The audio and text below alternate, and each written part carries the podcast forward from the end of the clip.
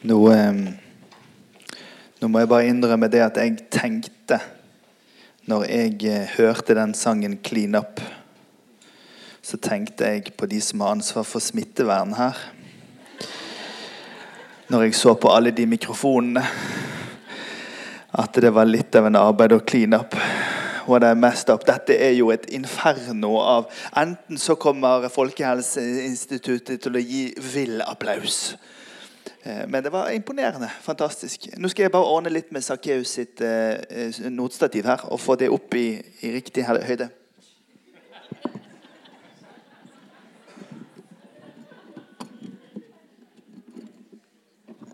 Det fikk ikke jeg til, så det går bra. Det, det, går fint. Jeg vil la det stå sånn. Fint å se dere alle sammen.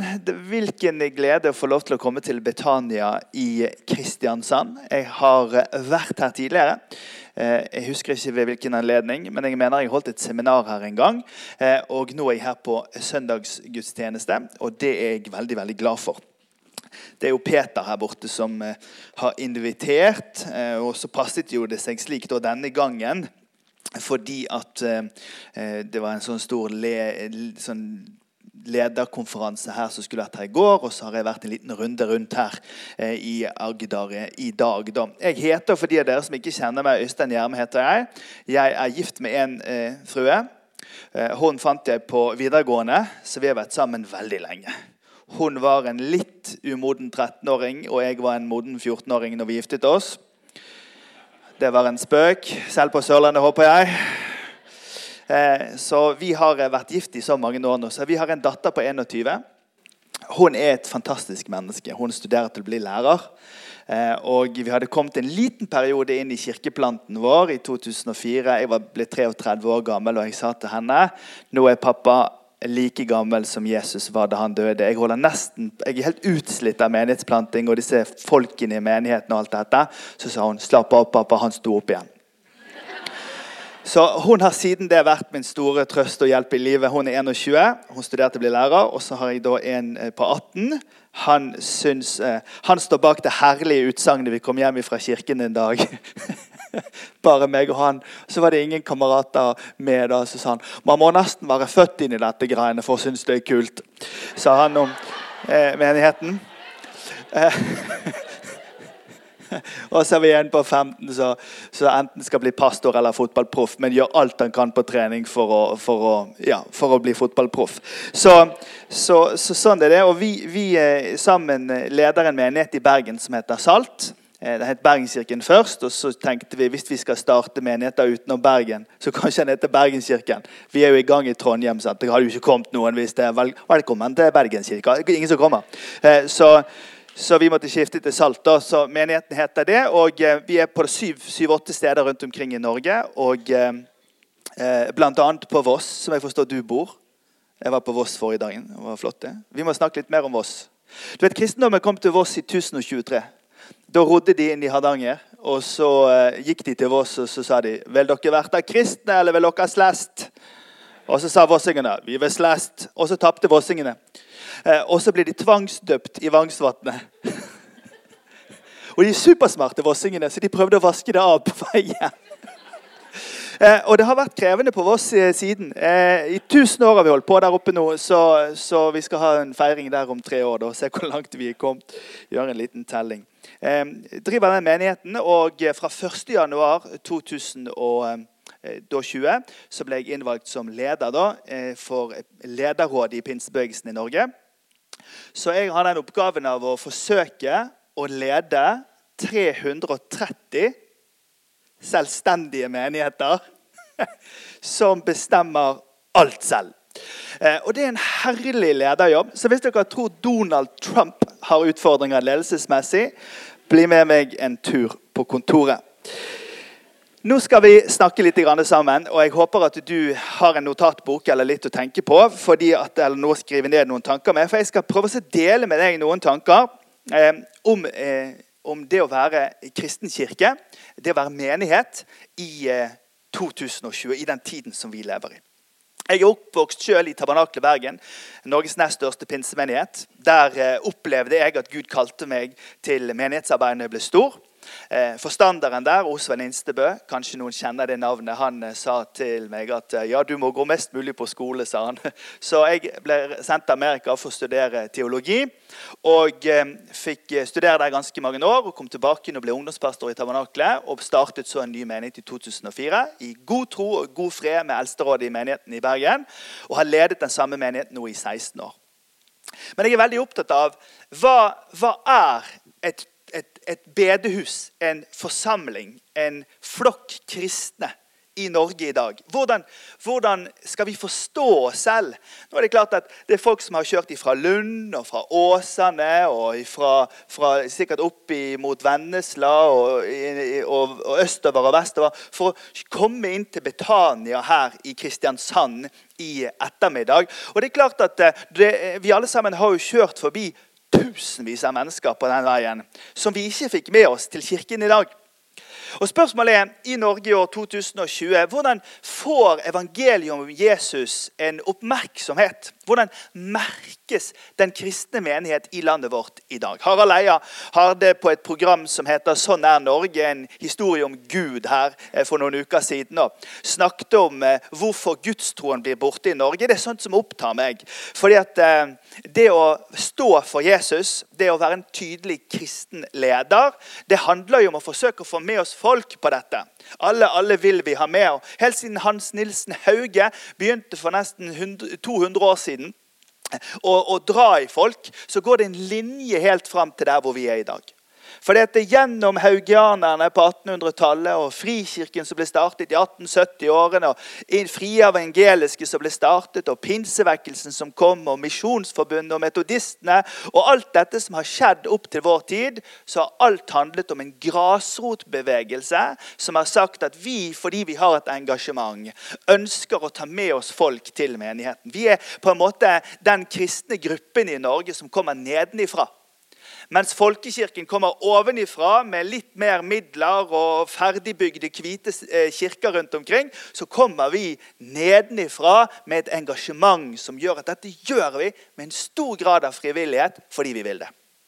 Og Han som grunnla pinsebevegelsen, han het Thomas Baal Barrat. Han eh, var eh, faktisk Første menigheten han startet, startet han på Voss. Ja, det er sant. Han startet metodistkirke på Voss eh, på 18-tallet. Eh, eh, og eh, var en drivende dyktig metodist før han ble fylt av Den hellige ånd. Og Han hadde et ordtak, og det var det at vi skal, vi skal fram, sa han, til urkristendommen. Og Jeg satt på en sånn disputas på Menighetsfakultetet, og så var det en sånn professor der som sa det er jo geografisk, nei, det er jo, det er jo grammatisk helt feil å si at man skal fram til noe som er bakover. Og så sa vi at ja, men det var sånn han så det for seg. Akkurat som denne her ronsen her. Det heter ronse på Sørlandet. Heter det ronse? ronse ja. På Vestlandet heter det disse. På Østlandet heter det huske. Og på engelsk heter det swing. Og poenget Jeg bare tok det for gospelkoret sin del, hvis dere kan bare utenlandsk. Eh, eh. Det er utrolig herlig å være bergenser og være taler og være den folk forstår mest på møtet. Det går bra. Eh, her, her på, denne, på, Husken på Ronsa så må du altså da, du må bakover for at du skal komme deg framover.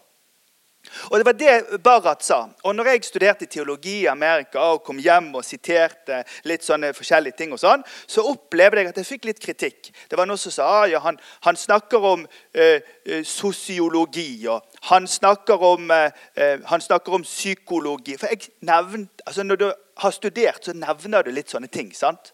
Det har blitt så veldig mye hjerne på han der Gjerme nå. Eh, men, men, men, det har aldri vært mitt hjerte. Jeg er overbevist om at det er Bibelens, Bibelens fortelling om hva den levende Guds menighet er. Det er det som er malen for hvordan den levende Guds menighet skal bygges i dag også. Men samtidig så må vi lese terrenget rundt oss. Vi må prøve å forstå menneskene i dag og stille noen spørsmål om hvordan er det å være menneske i dag, og hvordan kan vi nå fatt i de menneskene med evangeliet om Jesus. Så nå har jeg fått ansvaret for å ta over pinsebevegelsen i Norge og skal på en måte si noe til storfellesskapet. Og jeg har avpasset forventningene mine. Jeg tror ikke at vi kommer til å lande på Mars.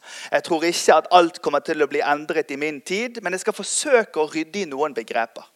Og En av de tingene som jeg ser rundt omkring i Norge, det er at det finnes tre grupper menigheter i landet vårt. Det er noen menigheter som er det vi kaller for spesialistmenigheter. Jeg er utrolig takknemlig for de menighetene som har sagt vi er til for å hjelpe rusmisbrukere. Det er det vi er menighet for. Så er det andre menigheter som sier vi er her fordi vi er opptatt av bønn og lovsang. Det er det vi satser på, og det er det vi er opptatt av.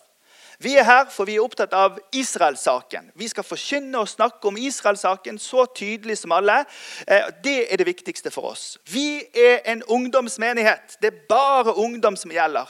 Men du vet, når du er en spesialistmenighet, så er du så spiss i det du er opptatt av, at du kan stå i fare for også å bli så smal at det er litt vanskelig for andre folk å være med. Men Vi trenger spesialistmenigheten, men alle som er opptatt av ett tema eller én gruppe, må huske på at man har et ansvar på en plass for å være et, en, en forkynner av evangeliet om Jesus for alle, ikke bare for de innvidde.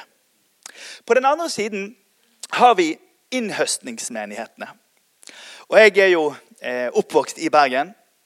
Og eh, dere på Sørlandet tror sikkert at alle vi fra Bergen er eh, ja, sånn som de er i Texas, egentlig har nedfelt i kommuneplanen at vi skal løsrive oss fra Norge og bli en egen stat. Sant? Og det, det er sånt som en del av oss i Norge at 'jeg er ikke fra Norge, jeg er fra Bergen', som han ungen sa. Og han andre ungen som ble spurt på TV Regner det alltid i Bergen? Så sa han jeg vet ikke. Jeg er bare elleve år. Eh, eh, det er litt sånn, sånn det er hos oss. Men det er klart Når jeg, når jeg har studert i USA og fått venner i, i, i, eh, som leder menigheter som er like stor som, som Norge, altså Atlanta og, og Dallas og Los Angeles Dette er jo byer som er mye større enn Norge. Jeg har vært i New ofte, og jeg har fortalt i New Delhi Jeg kommer fra Norge. Der er vi fem millioner mennesker. Og De begynner bare å le. vet du, Inderne. De bare står og ler. That's like a bus stop in Delhi. Det er akkurat like stort som et busstopp i New Delhi. And they even have a king and a queen. Og de har konge og dronning også. Men for når mine kamerater fra Melbourne, og Sydney og Los Angeles ringer og sier hvordan det har gått på møtet, så sier de vel, vi døpte 2500. 7000 ble kristen. Parkeringsplassen er vel like stor som elleve fotballbaner. Da tenker jeg jeg har ikke lyst til å være pastor lenger. For hvis jeg skal måtte sammenligne meg, som bor i en by på 250 000 mennesker, med resultatene til noen som driver en stadion av en kirke. Da mister jeg motet. Men vet du, i ungdomskulturen i dag så er jo det den sangen som synges hos Hillsong, eller størrelsen på menigheten i Atlanta, som egentlig gjelder. Fordi at eh, man måler seg opp imot det. Og jeg har skjønt det. Skal jeg overleve psykisk, så kan jeg ikke ha det som ideal. Midt i, mellom disse to, så har vi det vi kaller for den disippelgjørende menigheten. Og jeg har falt i ro med at det er den menigheten jeg kan lede i Norge. Og det kan Betania også gjøre. Der hvor vi kan få lov til å være en del av storfellesskapet fra vi er null år til vi er 100 år. Lenger òg, altså. Men altså, vi får lov til å være med hele livsløpet. Men hvor det vi holder på med, handler om det Jesus har bedt oss om å gjøre. Lær dem, tren dem, og la dem følge Jesus gjennom livet. Og så er det sånn at Jeg har hatt det elskiltet bak på bilen ved to anledninger. Men datteren hun møtte det at hun skulle kjøre bil, på en meget ydmyk måte. 'Far, skal jeg kjøre fremover nå?' 'Ja, datter. Kjør fremover.' Og så kom sønn 16 og sa sånt jeg er mye bedre enn hun å kjøre. Og så bare kjørte han rett inn i det første som sto foran ham. Det kom unger og akebrudd ut bak bilen. Fordi at han møtte det med en større verdensmesterholdning, hun med en ydmykhet. Men saken er den at vi må tillate at folk prøver og feiler gjennom disippelskapet sitt.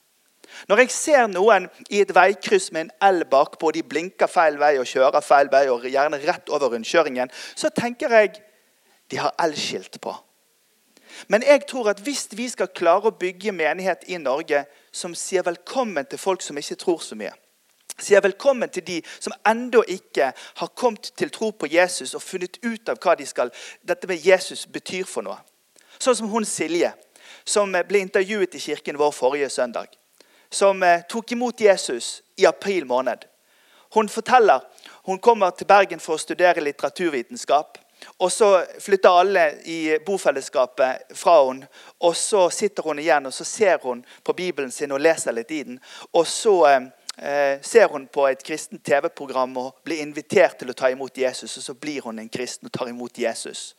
Og det skjer. Og da må jo vi gi hun ganske mye nåde.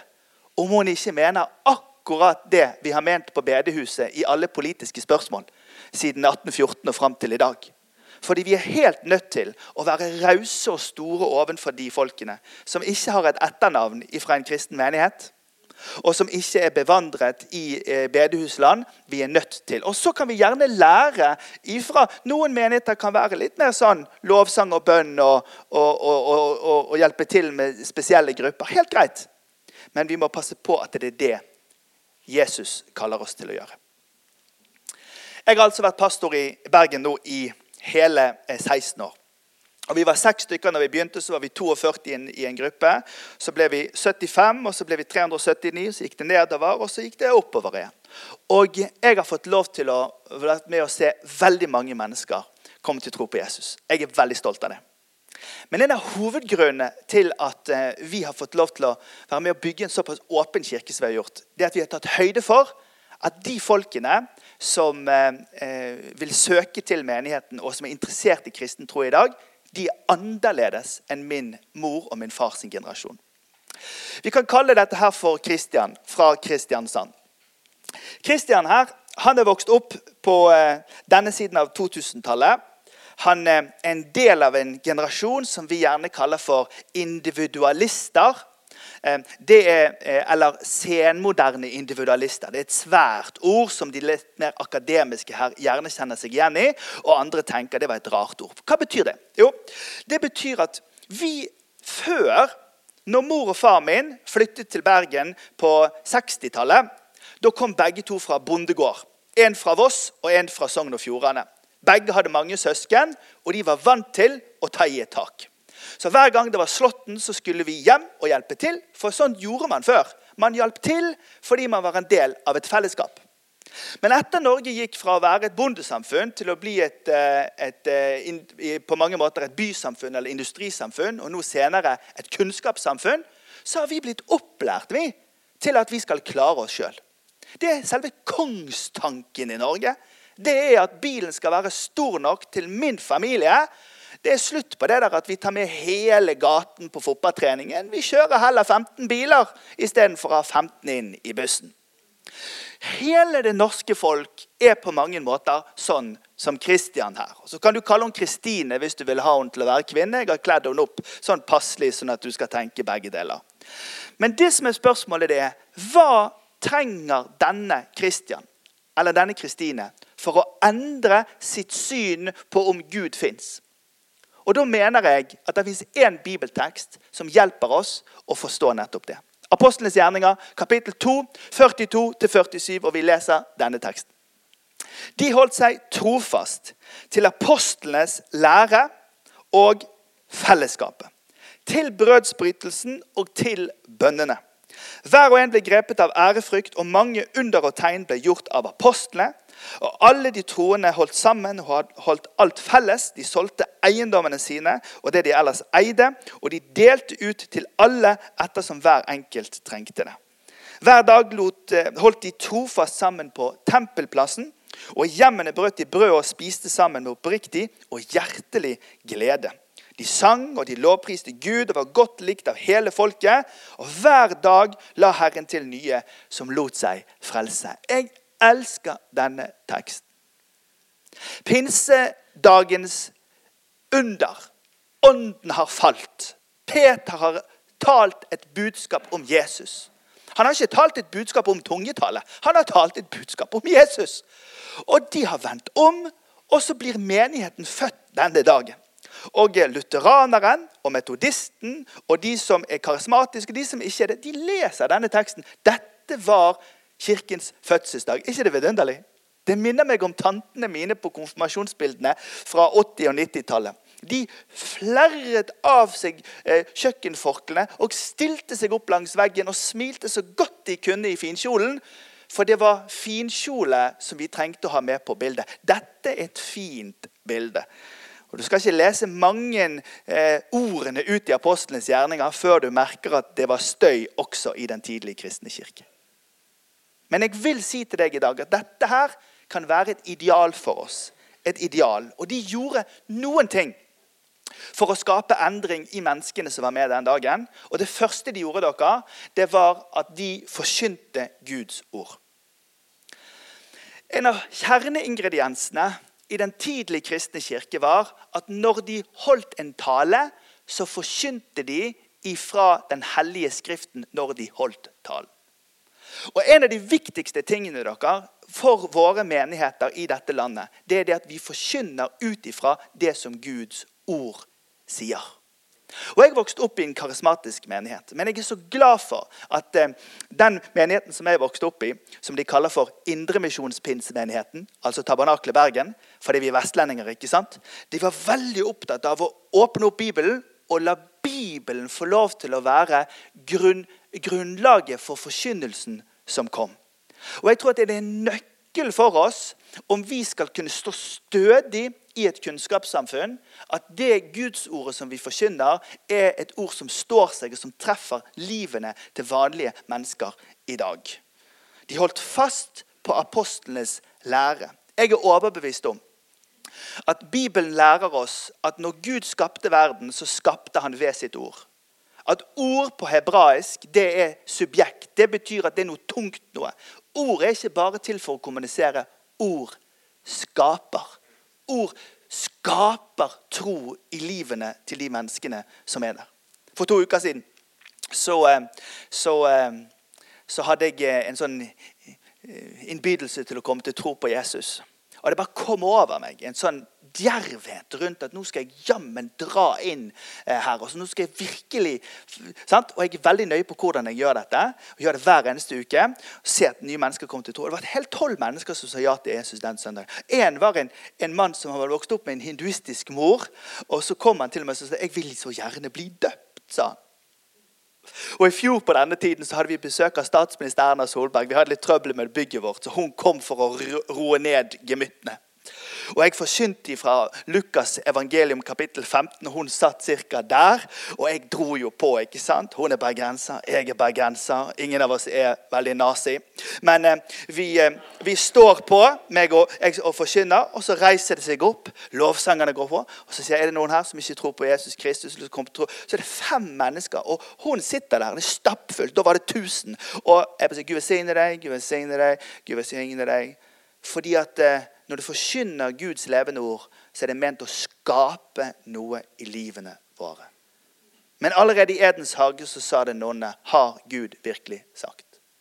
Og i kirkelandskapet i Norge er det mange miljøer som spør har Gud virkelig sagt. Er det noe så nødvendig å si? Skal du nok være så tydelig på det Guds ordet? Er noe det så nødvendig? Og jeg sier framtiden den er bibeltro og konservativ. Fordi at når du står på Guds ord, så skaper Guds ord. Det første de holdt fast på. Og som Kristian plutselig, når han får logge av Netflixen og logge på Guds ord, så skjer det muligens noe i hans liv.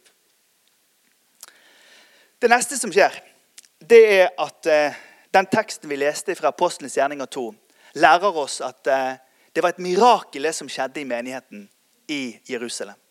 De fattige de fikk mat. De som var marginaliserte, de ble inkluderte. De som var eh, sett ned på fordi de hadde en annen etnisk opprinnelse, de ble inkluderte. Det var liksom et sånt løft i at de fikk lov til å være med på et prosjekt sammen. Og En av de tingene som vi har lært dere, vi som har startet nye kirker på denne siden av 2000-tallet, det er det at det, det er ganske enkelt å få med folk på et prosjekt. Men hvis man ikke passer på at det prosjektet styres i retning av å være en etterfølgelse av Jesus, så kan folk bli veldig glad i prosjektet istedenfor å bli glad i Jesus. For da jeg var liten, så bygde vi veldig mye hytter i skogen. Altså Vi bygde så mye hytter i skogen at jeg er sikker på at den lokale entreprenøren hadde rød tall i boken for de plankene som vi stjal fra han. Jeg har bedt om tilgivelse for det. Alt er eh, lagt under blodet. Jeg står her i dag som om synd aldri har eksistert. Men én gang så var jeg med på det med kameratene mine. Og det vi merket, det var at vi syntes det var så gøy å bygge hytte. Helt til vi var ferdige å bygge hytte. For da lekte vi ikke igjen. For vi, vi, tenkte at det er jo det å bygge dette prosjektet det er jo det som er det viktigste. Og Nå har jeg ledet en menighet nå fra ingenting til rundt 1000 og pluss eh, på, på disse årene. Og folk ringer jo og spør hvordan leder dere frivillige. Hvilke dataprogram bruker dere? Ber du før eller etter den siste sangen? Er det da A-mål eller G? Altså, Folk spør om alt mulig. Og da sier jeg det handler ikke om hvordan vi organiserer ting. For oss så handler det om at vi er lidenskapelig glad i Jesus. Vi forstår livet vårt dere, i tre retninger. Opp så finner vi Jesus.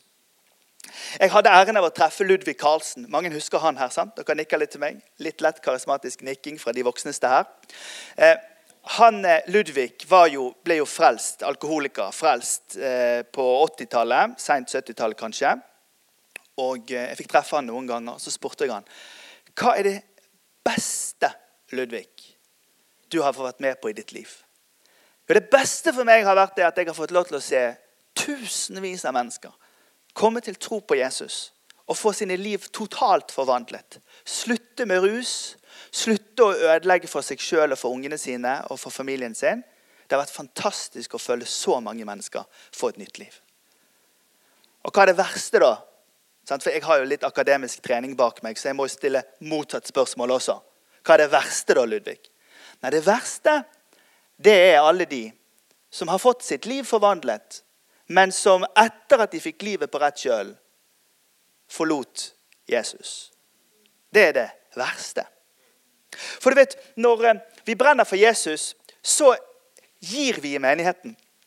Da deltar vi og kommer på gudstjeneste.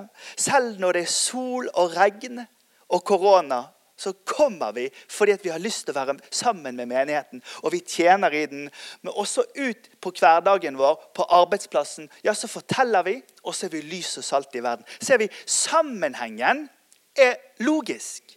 Jeg brenner for Jesus, og jeg elsker min menighet, og jeg er lys og salt i verden. Det er en sammenheng. Og så spør vi oss, og Harald Eie spør også, sånn er Norge. Fra 80-tallet og midt på 80-tallet og fram til i dag så har gudstroen i landet vårt gått sånn uh, nedover. Og så rykker han Juritzen ut, han som er med i Kirkerådet, og så sier han at vi må gjøre gudstjenesten gøyere. Han sier gudstjenesten er et produkt. Og jeg tenker hjelp! Fordi problemet er det at hvis du mister han der oppe, ja, så mister du alt her nede. Men det handler jo om å holde Jesusgleden levende. Joy. Det handler jo om Jesus Det handler jo om at, at, at, at korlederen her sier at vi alle sammen får en restart. Og hvem vet om det er den dagen Den hellige ånd bare hvisker til deg jeg får lov til å få en mulighet til å få en restart. Det er jo dette vi tror på. Og Grunnen til at den tidlige kristne kirke lyktes så godt, det var at de klarte å gjøre det store prosjektet til et Jesus-prosjekt. Og ikke et 'selvfølelsen min blir bedre fordi jeg hjelper til'-prosjekt. Eller 'jeg får godhetspoeng fordi jeg hjelper noen rusmisbrukere'. Poeng. Nei, alt er knyttet til gleden i Gud. Vi må la vårt engasjement ha en eksistensiell gudsrelasjon i seg. Kristian her han har plutselig fått lov til å komme inn i et fellesskap hvor eh, han hører fra en hellig bok at det fins en annen type liv. Kristian her han har fått lov til å være med og bety en forskjell for noen fattige og noen marginaliserte og noen ungdommer som havnet på skråplanet. Og Kristian her han får nå mange nye venner på Facebook. Som datteren min sier til meg jeg har mange flere venner over hele Norge enn alle mine ikke-kristne venner har. Hvorfor det? Jo, fordi at vi er en del av et stort fellesskap. De aller fleste i Norge de har sin krets de. og eh, sine venner. Men i den kristne menigheten så får vi alle slags mulige både kjempegreie og litt underlige venner. Og det er veldig gøy, det. Jeg skryter jo av at hvis på 17. mai så kan jeg si hvilke vennegjenger som er kristne, og hvilke som ikke er det. For når jeg ser åtte gutter som ser kliss like ut, som står opp etter posthusveggen, så tenker jeg de gutta der de er mest sammen med de som er lik seg sjøl. Så går jeg litt lenger bort, og så ser jeg en som sitter i en rullestol, og en som er 2,5 meter høy, og to stykker med Setesdal-bunad og én med trønderbart. Så tenker jeg de er kristne. For her er det helt klart noe annet som forener dem, enn at de bare er venner. Men det slår ikke feil. Det kristne fellesskapet. Vi hadde noen i menigheten vår de hadde vært med i noen få år i kirken vår. Og jeg vet at de hadde hatt to opphold i noen menigheter før de kom til oss. Og så var de uenige med meg i et eller annet. Og så sa jeg til dem på en helt mild, ikke fiendtlig måte Jeg sa kanskje dere ikke bør slutte i denne menigheten. Kanskje denne gangen istedenfor å slutte fordi dere ikke får rett. Så bør dere lære av de tidlige kristne som valgte å holde fast på fellesskapet. Fordi fellesskapet var viktigere enn alltid å ha rett. Vet du, Den vanligste måten å drive selvforsvar i Norge, det er å plante tujahekk. Det er å sette hekken så høyt opp inn til naboen at vi slipper å se hans garasje. Og Det er litt flåsete sagt, men eh, den vanligste måten i Norge å løse problemer på, det er å slutte slutte på jobben, avbryte samlivet, gi seg i foreningen, melde seg inn i en annen menighet. Den tidlige kristne kirke de lærte seg å holde fast på fellesskapet. Tenk hva forsoningen er som mellommenneskelig energi. Og når Statsminister Erna kom til oss og sånn Jeg er glad i kristendommen, og det er én verdi som er viktigst. Tilgivelse. Vi må aldri glemme det at det fins alltid en mulighet til en ny sjanse for alle mennesker. Og Jeg skal ikke sitere statsministeren mer her i dag, men vi har en sånn felles avtale vi bergensere, at vi må, vi må, gjøre litt reklame for hverandre. Eh, men, men til forsoningens kraft i verden, den er enormt sterk. Og tenk hvis vi kunne øve oss på den også på bedehuset. Det var en mann som ble strandet på en stillehavsøy. Og Så fant de han etter mange år. Og Så gikk de opp på stranda og så sa han, dere må se på huset mitt. Sånn. Og så så Han hadde bygd et fantastisk hus vet du, i bambus og, og, og sånne der lianer. og sånn, Helt nydelig hus. Dette er ingenting i forhold til kirken, sa han. Og Så går de lett opp i skråningen, og så står det den flotte kirken han har bygd opp i trærne der. Helt nydelig. Og så sier, han, eh, så sier han men dere må se den andre kirken også. Den andre kirken, Har du to kirker her? Ja, vi hadde en splittelse her for noen år siden. Og jeg syns det er forunderlig hvordan vi kristne folkene kan miste perspektivet på den byen vi er kalt til å nå, og heller herje med hverandre internt. Hold fast på fellesskapet, og la forsoningens mirakuløse kraft forløses mellom de som er troens folk. For dette det er et fantastisk vitnesbyrd i vår verden. Det neste som Kristian får lov til å være en del av, det er et fellesskap hvor, eh, han, eh, hvor det er bønn, og hvor det er brødsbrytelse. Og Vi har ingen sakramental forståelse i vår tradisjon på at brød og vin er Kristi kropp og Kristi blod. Folkekirken har en annen lære på dette, men vi tar nattverd på kryss og tvers i Norge, for vi holder fred med hverandre. Men hvilket mirakel det er. At vi kan få lov til å komme til et dekket bord, hvor vi får lov til å minnes at Jesus døde i kroppen sin og utgjød blodet sitt for at vi skal få tilgivelse for våre synder. Hvilket fantastisk mirakel det er at vi i begynnelsen av våre gudstjenester kan be for bønnebegjær som blir levert inn med sånn kroket, skrevet skrift på små lapper. Og Vi har bedt for lille Petrine i kirken vår i årevis, men forrige tirsdag så dro de fra sykehuset og så sa legen nå skal ikke dere komme tilbake hit igjen. Tre år har de kjempet med kreft på den førsteklassingen. Tre år har de kjempet. Men dere skal ikke komme tilbake hit igjen. Hun er kreftfri. Men samtidig så har jeg en annen gutt som var i en bilulykke og knakk nakken sin på to steder og ryggen og hendene. Og Noen kjenner kanskje navnet på han, for han er litt sånn inngift i en sånn fri, fri evangeliske forsamling. Men vi vet det at vi trenger å fortsette å be for den gutten, for det som han står i. Så vi takker og vi ber. Men tenk hvilket mirakel for Kristian! Å komme inn i et miljø hvor noen faktisk ber for og med hverandre. Og nå spør jeg deg hvordan tror du Kristian, som er opplært med ideologien i Norge om at du skal klare deg sjøl Du Kristian, du fikser dette livet.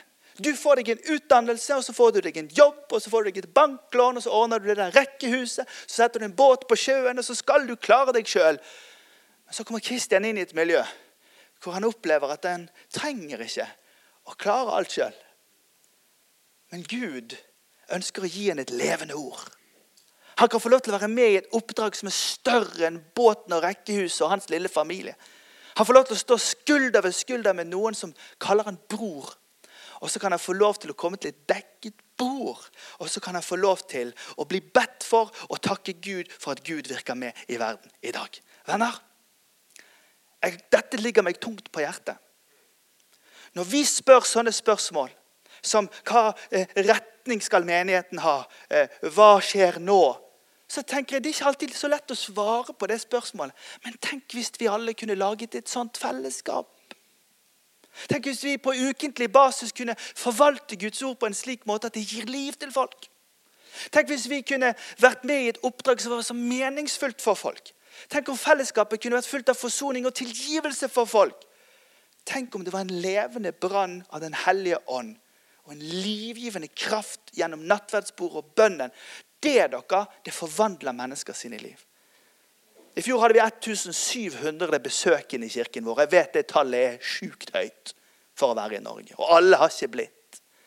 Men jeg har en tro på at salt kan miste sin kraft hvis det blir bare en organisasjon.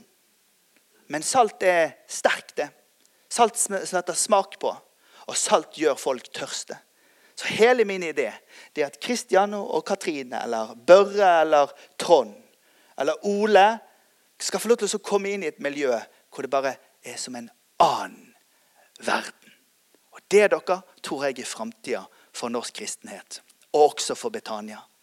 Det tror jeg på. Og jeg vet på nikkingen her i dette rommet nå at det napper i hjertet. Og vi tenker alle sammen ja, det er dette her. For dette har ikke en eller annen som har gått på skole kommet på. Dette er fram til urkristendommen. Dette er det bildet som ble tegnet i apostlenes gjerninger. Og vi i kunnskapssamfunnet kan få lov til å følge den malen i dag. Skal vi reise oss opp, og så ber vi sammen til avslutning.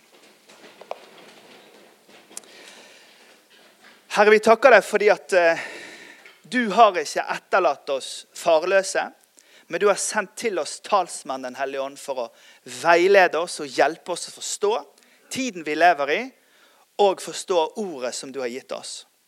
Og Herre, jeg priser deg og takker deg for hver enkelt mann og kvinne, gutt og jente, ung og eldre som er til stede i dette rommet den ettermiddagen.